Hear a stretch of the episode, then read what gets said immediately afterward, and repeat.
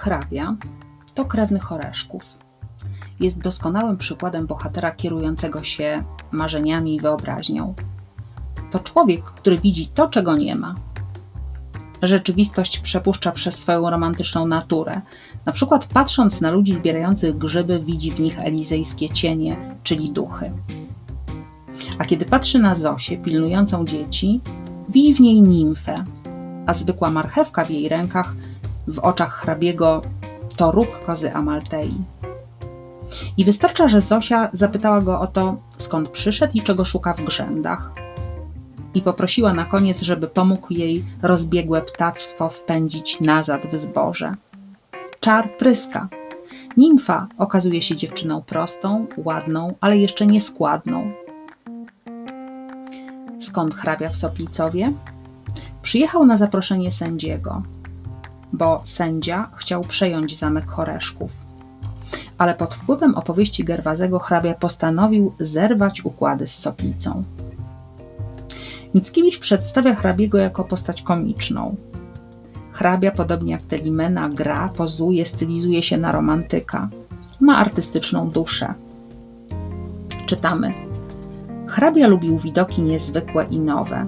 Zwał je romansowymi. Mawiał, że ma głowę romansową. W istocie był wielkim dziwakiem.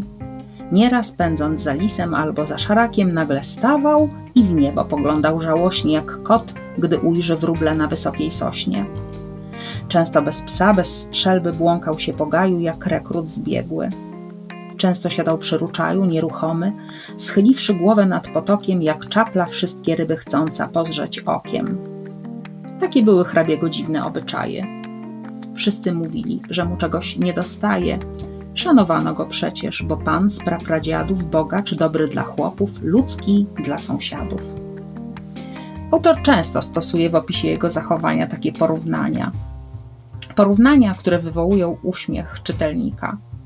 Na przykład, kiedy przygląda się z ukrycia Zosi, porównany jest do żurawia stojącego na jednej nodze. Przy tym drugim spotkaniu z Zosią, także obserwując ją z ukrycia, porównuje go Mickiewicz do żaby czołgającej się wśród liści łopuchu i końskiego szczawiu. Hrabia, podobnie jak Telimena, jest miłośnikiem włoskich krajobrazów, bo, jak mówi, Włochy były, są, będą ojczyzną malarzów. Ale okazuje się, że ma też charakter gwałtowny, jest emocjonalny, bo kiedy po polowaniu doszło do kłótni i bójki o zamek, razem z Gerwazem bronili się dzielnie, a potem hrabia przystał na propozycję Gerwazego.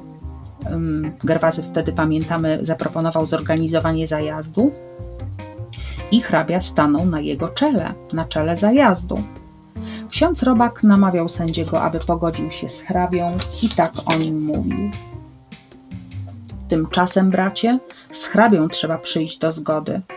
Jest to dziwak, fantastyk trochę, ale młody, poczciwy, dobry Polak. Potrzebny nam taki.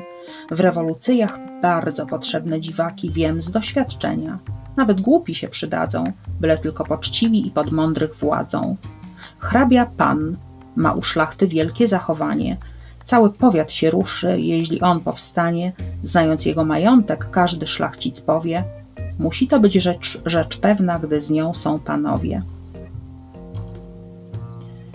Podczas zajazdu hrabia właściwie uratował sopliców zamykając ich w domu jako więźniów, bo nastawiony początkowo bojowo nie chciał rozlewu krwi. A potem, podczas walki z Moskalami, wyzwał na pojedynek kapitana Rykowa. Na pojedynek, który jednak się nie odbył. Hrabia po zakończonej walce mm, z Moskalami nie musiał opuścić, opuszczać Litwy, y, ponieważ jemu nie groziłyby represje ze strony Rosjan bo jak mówi sędzia, był on wystarczająco bogaty i mógłby się wykupić.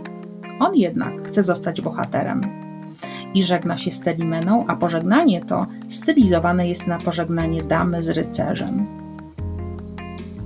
W księdze dwunastej widzimy go w zupełnie innej roli. Przybywa do Soplicowa razem z legionistami, no i ma pretensje do Telimeny, kiedy widzi ją jako narzeczoną rejenta.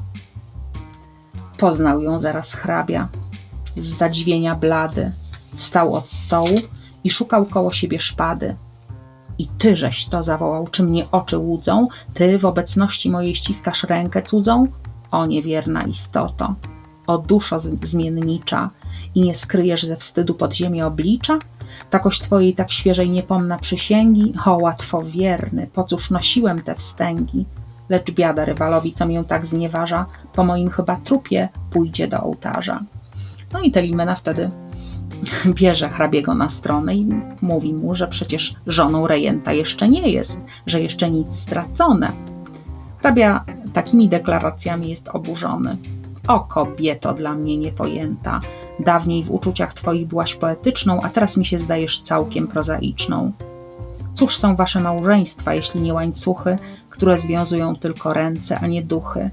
Wierzaj, są oświadczenia nawet bez wyznania, są obowiązki nawet bez obowiązania. Telimena przerywa mu jednak i mówi: Dość już tego, przerwała. Nie jestem planetą z łaski Bożej. Dość hrabio, ja jestem kobietą. Już wiem, resztę przestań mi pleść ni to ni owo. Teraz ostrzegam. Jeśli piśniesz jedno słowo, ażeby ślub mój zerwać, to jak Bóg na niebie, że z tymi paznokciami przyskoczę do ciebie. Nie będę, rzekł hrabia. Szczęścia pani kłócił i oczy pełne smutku i wzgardy odwrócił i ażeby ukarać niewierną kochankę, za przedmiot stałych ogniów wziął pod komorzankę. Hrabia to romantyk. Romantyk deformujący rzeczywistość.